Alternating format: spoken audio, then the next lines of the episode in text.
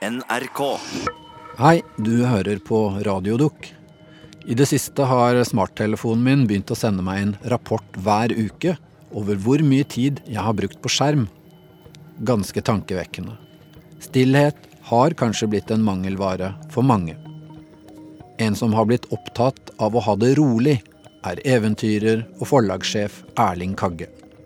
Her er podkastpremiere av dokumentaren Lyden av stillhet, laget av Edvard Hambro.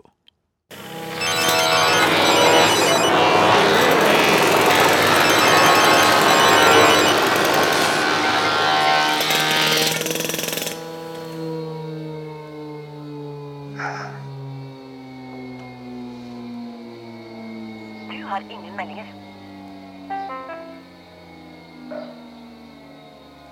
Behovet for stillhet det er ikke noe sånn ny trend, noe som kommer nå pga. Eh, internett eller smarttelefoner. Men det er et dypt menneskelig behov som har vært der i ikke bare tiår, men eh, i hundrevis, hvis ikke eh, tusenvis av år. Men samtidig så har vi også alltid vært veldig redde for eh, stillheten. Pascal skriver allerede om det i den 'Tanker' på 1600-tallet at eh, alle menneskers problem har eh, samme opprinnelse. Og det er at de ikke klarer å sitte alene, stille, uten å gjøre noen ting i et rom i 15 minutter.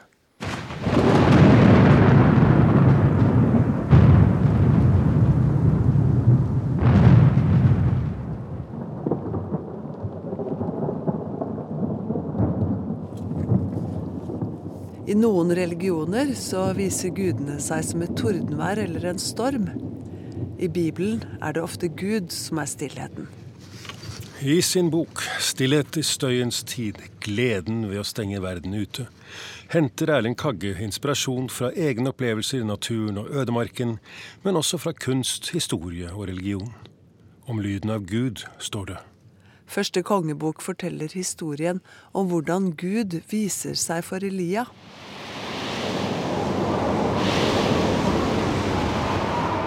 Først kommer en orkan, så et jordskjelv. Deretter ild. Gud er ikke noen av dem. Gud kommer etterpå, i en stille susing, eller skjør stillhet, som det heter i Bibelens nyere oversettelser. Jeg liker det. Gud er i stillheten.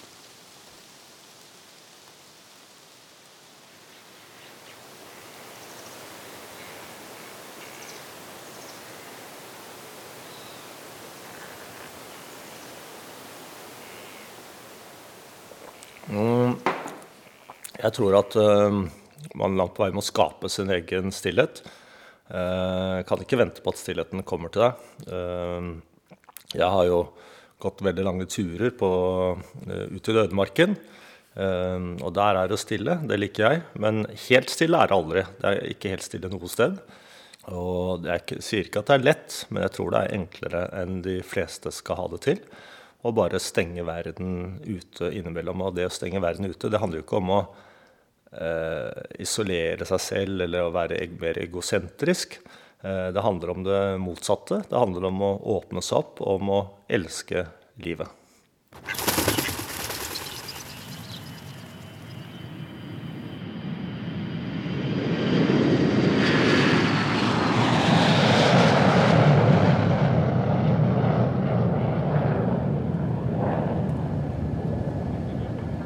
Kagge og et knippe medarbeidere fra forlaget er på vei til bokmessen i Frankfurt.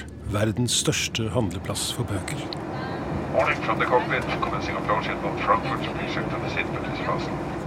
Og det å komme til Frankfurt eh, bokmesse for han i år som eh, eh, Hva skal man si? Ettertraktet forfatter og med en av eh, de hotte bøkene på messen, det blir Det må være helt enestående gøy for hans del. Hans Petter Bakketeig har allerede solgt rettighetene til syv land. Han er Kagges agent for utlandet. Guten Tag. Die Buchmesse bitte. Forlagssjef Anne Gåthaug og Erling Kagge tar samme taxi. Han sjekker mobilen for siste nytt om salg av boken. Ja, nå er det solgt i Taiwan her. Er det sant?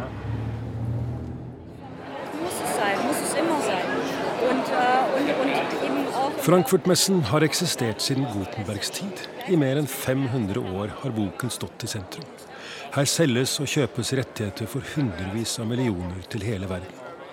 Det virker som det skrevne ord mellom to permer lever i beste velgående.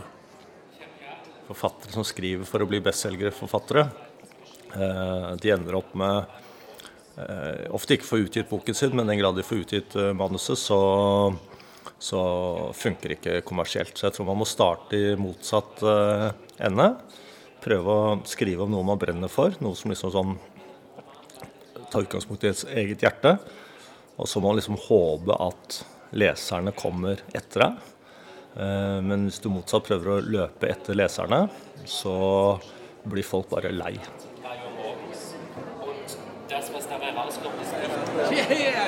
Hva gjør du fra deg? Hva jeg gjør? Ja. Samme som deg. Abbe Bonnier er medeier og sjef i Bonniers forlag i Stockholm. De har kjent hverandre siden Erling Kagge kom hjem fra sin ekspedisjon til Sydpolen i 1993. Noen vil si at en bok om stillhet fra Erling Kagge er som en bok om håndspåleggelse fra Mike Tyson. Men jeg synes det er så her. Det, det var rett interessant at du har skrevet en, en bok om stillhet som er nesten en av de mest bullriga mennesker jeg kjenner. Så jeg tenkte, er det, liksom, er det på brikken? Jeg känner, nej, är det Kagge verkligen? Är det ikke noen annen som Nei, skrivit? Nej, nej, nej, det er Erling Kagge. Er det mulig, tenkte jeg. En slags introvert bok. Den første boken du og jeg pratet om, det var når du hadde, när du hade skidat över, ja. över Antarktis. Ja, ja. ja, just det. Og det var liksom en annen. Det var litt nå. Jeg holdt kjeft da.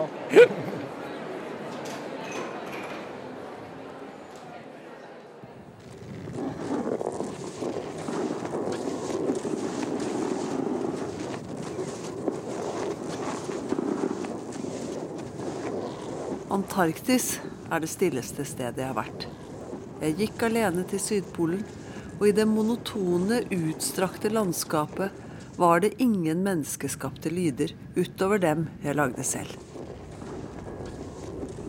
Alene på isen, langt inne i det store, hvite intet, kunne jeg både høre og føle den stillheten.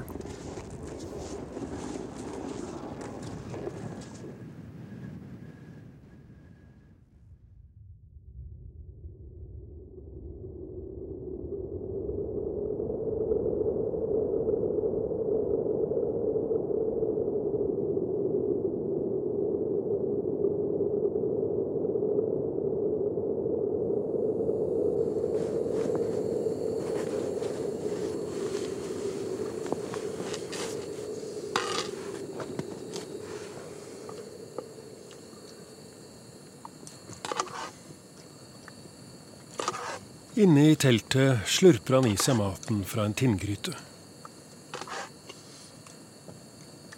Gå, spise, sove. Det samme hver dag i 50 døgn.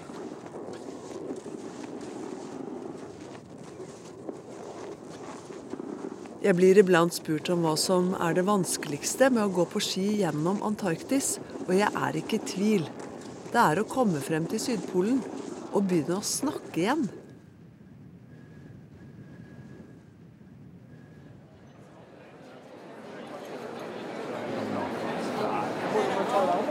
Å ja, så gøy, hva? Ja. Så eh, jeg venter på finnene. Men jeg skal møte Finland etterpå. Både Kagge og Bakketeig er fornøyd med den store interessen for boken. Vi har topp forleggere. Vi har de beste av de beste i land etter land. Så det er jo bare så gøy. Og de, de kjenner hverandre, og de, eh, de vet at, eh, at, det er en slags bekreftelse på at de har valgt rett bok. Så det her er bare fantastisk gøy, altså. Så ja.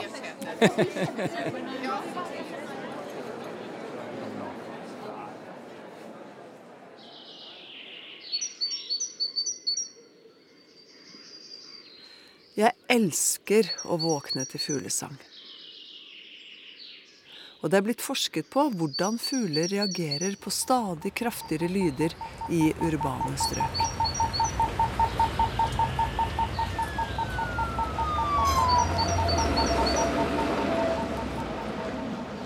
Konklusjonen er at fuglesangen forandrer seg. Lavere toner blir borte og erstattet med høyere lyder som kan konkurrere med menneskeskapte lyder. En konsekvens av den tilpassede fuglesangen er at det blir vanskeligere å tiltrekke seg en paringspartner. Det legges derfor færre egg.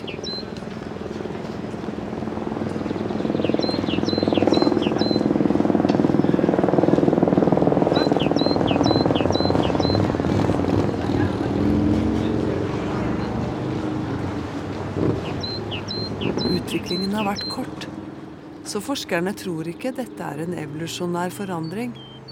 Årsaken er mer nærliggende. Fugler som lever i urbane områder, blir nervøse av lydbildet. Fugler og mennesker er ulike, men jeg kjenner igjen usikkerheten de viser. Stillhet er en luksus for alle.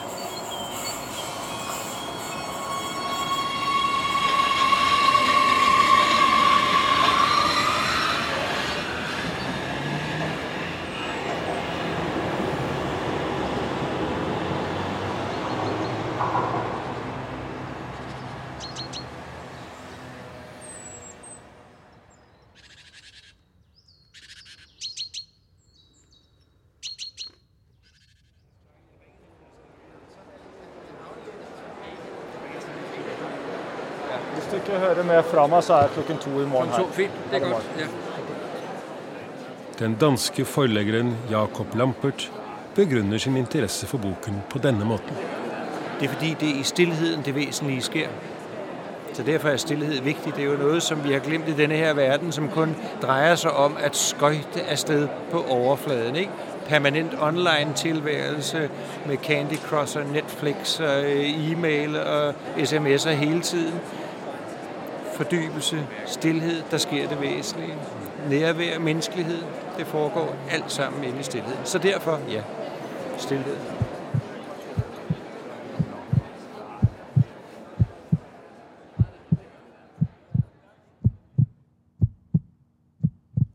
Det finnes rom som er konstruert slik at de er totalt lydisolerte. Men når du går inn der og venner deg til den øredøvende stillheten, begynner du å høre din egen pust. Du hører hjertet slå. Til slutt hører du ditt eget blod som suser i blodårene. Og du hører rumlingen fra maven.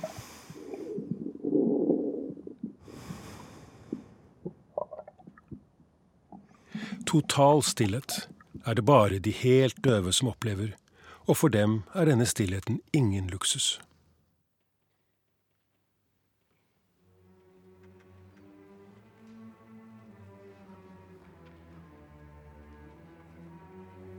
I musikk er fravær av lyd naturlig.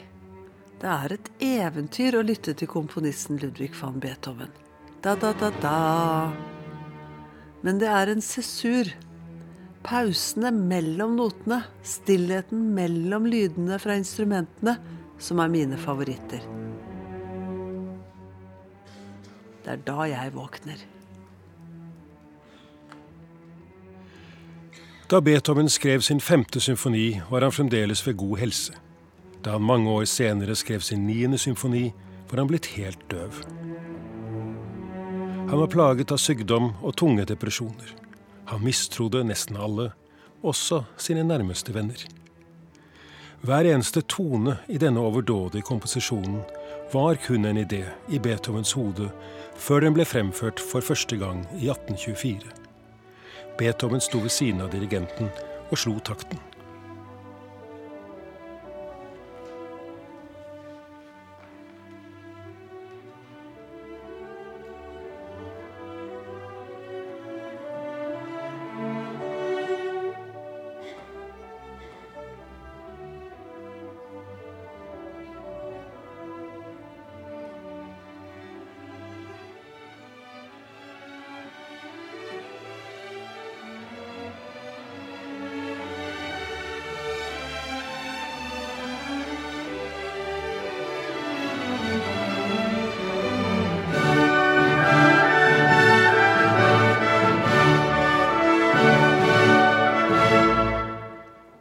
Den tyske komponisten Richard Wagner har uttalt at Beethovens niende ikke er et mesterverk på tross av at Beethoven var døv, men fordi han var døv. Bare med denne indre stillheten kunne Beethoven finne frem til noe så originalt.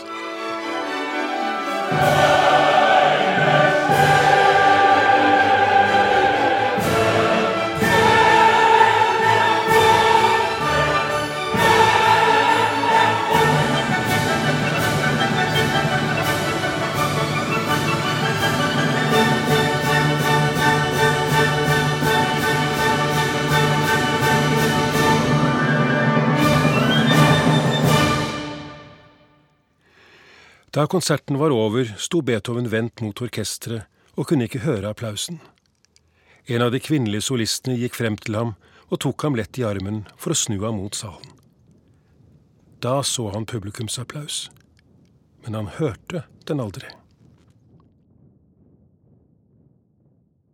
Ja, når jeg tenker på bråk, så tenker jeg En ting er lyder, men jeg tenker mer på bråk i form av uventede lyder.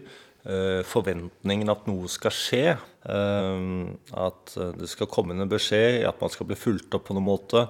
at telefonen skal ringe, at noe skal starte.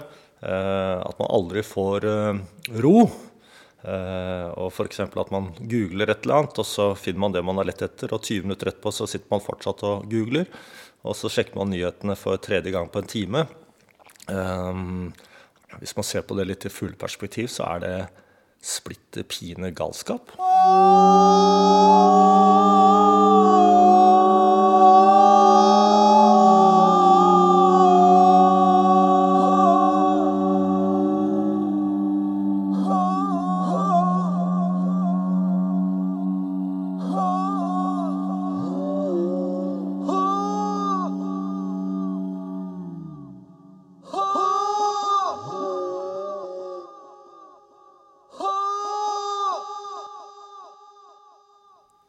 Høye lyder kan ha mange uttrykk, men det mektigste skriket jeg har opplevd, kom ikke med noen lyd.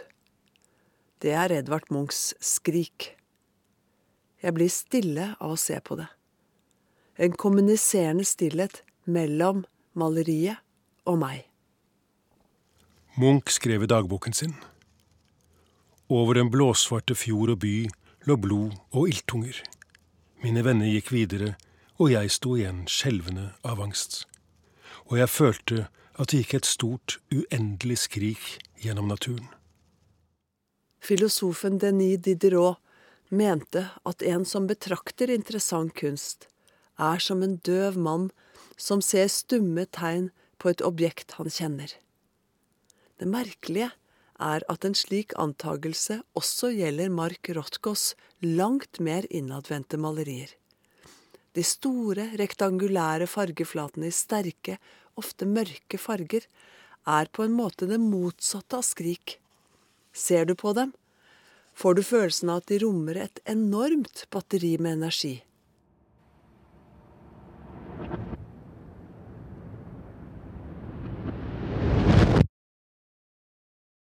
Stillheten er så presis, sa Rotko da han avslo å forklare bildene med ord.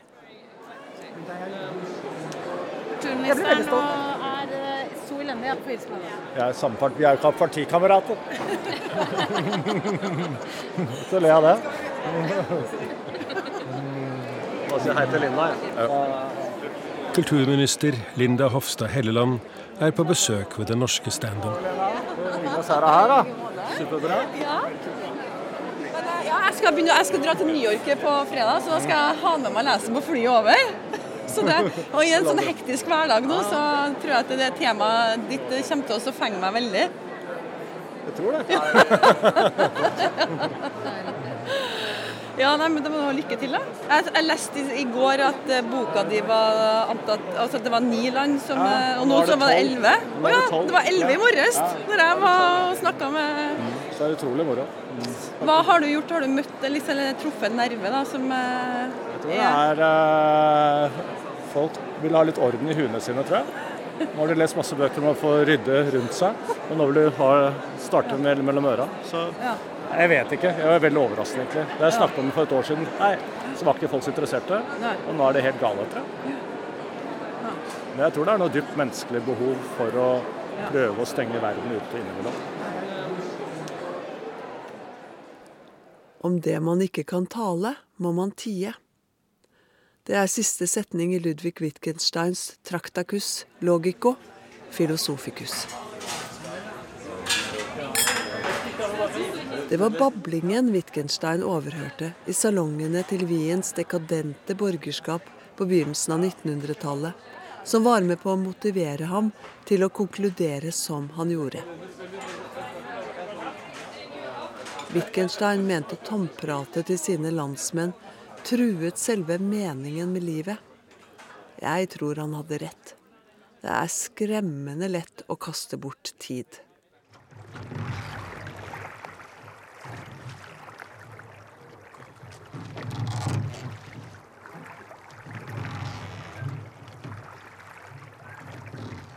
Traktakus ble delvis unnfanget i Skjolden ved Lustrafjorden innerst i Sognefjorden. Naturen, stillheten og avstanden til andre mennesker formet Wittgenstein og filosofien hans. Jeg kan ikke forestille meg at jeg kunne ha arbeidet noen andre steder slik som jeg gjør her. Det er stillheten og, kanskje, det vidunderlige landskapet. Jeg mener dets stille alvor.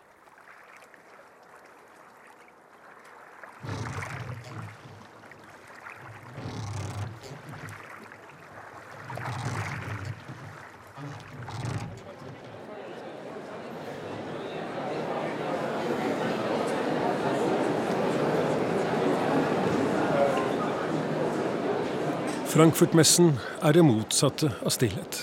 Det motsatte av å stenge verden ute. Her virker det som Kagge har stor glede av å invitere verden inn. Han er tross alt på jobben. Midt i mylderet av mennesker som sakte vandrer fra stand til stand, blir han stående dønn stille for å sjekke innkommende e-poster og SMS-er. Ja, det får mye hilsener fra folk som akkurat har vært ute i skogen og opplevd stillhet, og skriver om det på SMS. Så det nesten bli en litterær sjanger å skrive tekstmeldinger om at jeg har hatt, hatt, ro- hatt noen rolige timer. Det er jo veldig hyggelig, det. da. De fleste som ferdes mye ute i naturen, nikker gjenkjennende til Fridtjof Nansens tanker om hva du kan erkjenne en mørk natt. Stjernehimmelen er den sanneste venn i livet når en først har lært den å kjenne. Alltid er den der, alltid gir den fred, alltid minner den deg om noe. At din tro, din tvil, dine smerter er forbigående småting. Universet er og vil bli urokket. Våre meninger, våre kamper, våre lidelser er ikke så viktige og enestående når det kommer til stykket. Jeg har en liten sånn bu oppe på Blefjell på 16-18 kvadratmeter. Når jeg drar opp der eh, innimellom, ikke så ofte, eh, så har jeg ofte med meg lesestoff og litt vin og sånn, men det ender med at jeg nesten ikke leser noen ting, og knapt nok drikker noe videre vin heller. At jeg stort sett sitter og koper hele tiden mens jeg er der. Og kobler rett og slett av og har en glede av å stenge verden ute en dag eller to.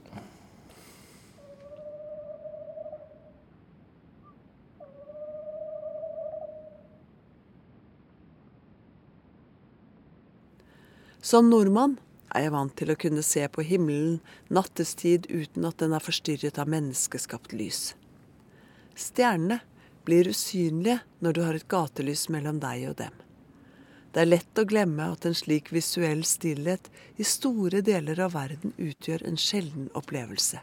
En luksus.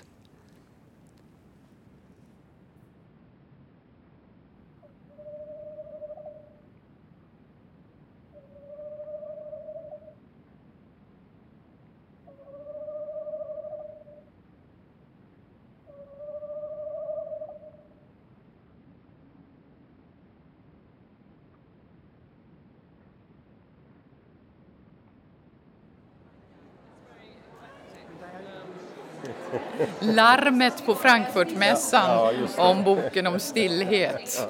Ja, det forstår jeg. Sara Nystrøm fra forlaget Wahlström og Widstrand i Stockholm har kjøpt rettighetene til Kagges bok i Sverige, og gir også ut boken til Lars Mytting, Hel ved. Nordmannens bok om vedhogst og vedstabling ble en overraskende sensasjon på verdensmarkedet. Eh, ordet stillhet, vårt behov av stillhet og tystnad. Eh, vi köpte den, eller jeg köpte den et par veckor før bokmässan. Eh, og det er jag glad for, for da fikk jeg den billigere. Og sen gir vi ut Lars Mytting, og det har gått enormt bra i Sverige. Så da hängde jag nog ihop den. Det liksom, jag länkade ihop de här två titlarna och kände att det här, det här kan vi lansera. Men sen är vårt behov av stillhet i dessa tider och av att orka läsa och förhålla oss till vår egen stillhet. Det berörde mig enormt. Och det kan jag också se att berörde mig, då berör det alla andra för så är vi ju. Liksom. Vi är ganska vanliga människor. Å strikke, brygge øl og hugge ved er aktiviteter som ligner hverandre. Du setter deg et mål og gjennomfører, ikke med én gang, men over tid. Du bruker hendene dine eller kroppen, og skaper noe. Ved å bevege deg beveger du sinnet. Jeg nyter det når tilfredsstillelsen går fra kroppen til hodet, og ikke omvendt. Resultatet du oppnår, ved som varmer, en genser du har lagt sjelen din i, kan ikke bare printes. Det kommer bokstavelig talt noe håndfast ut av det du har bedrevet. Et resultat du og andre kan ha glede av, tvert eller med tiden.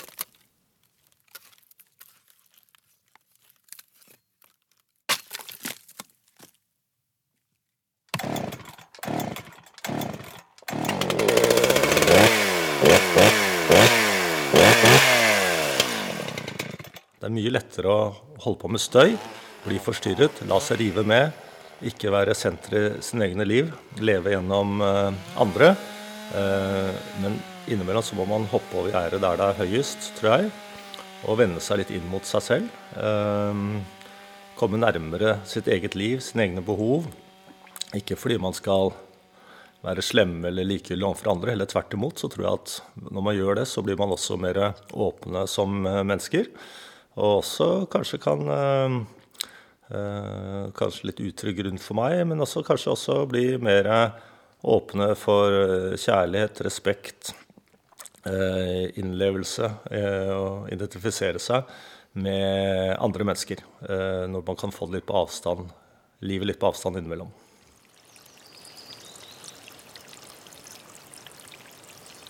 Som mystikeren Rumi skal ha uttalt, nå skal jeg være stille og la stillheten skille det som er sant, og det som er løgner.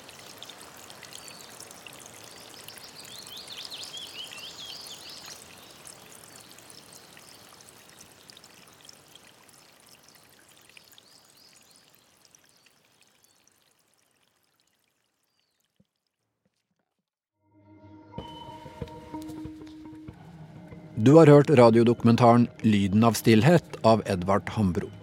Lyddesign ved Kjetil Hansen, og konsulent det var jeg, som heter Kjetil Saugestad. Agnes Moxnes leste utdrag av boka 'Stillhet i støyens tid gleden ved å stenge verden ute' av Erling Kagge. Ellers har vi i Radiodok-redaksjonen begynt å telle ned til neste sesong av serien Hele historien, som starter til uka. I den podkasten har det vært stille lenge nok, synes vi. NRK.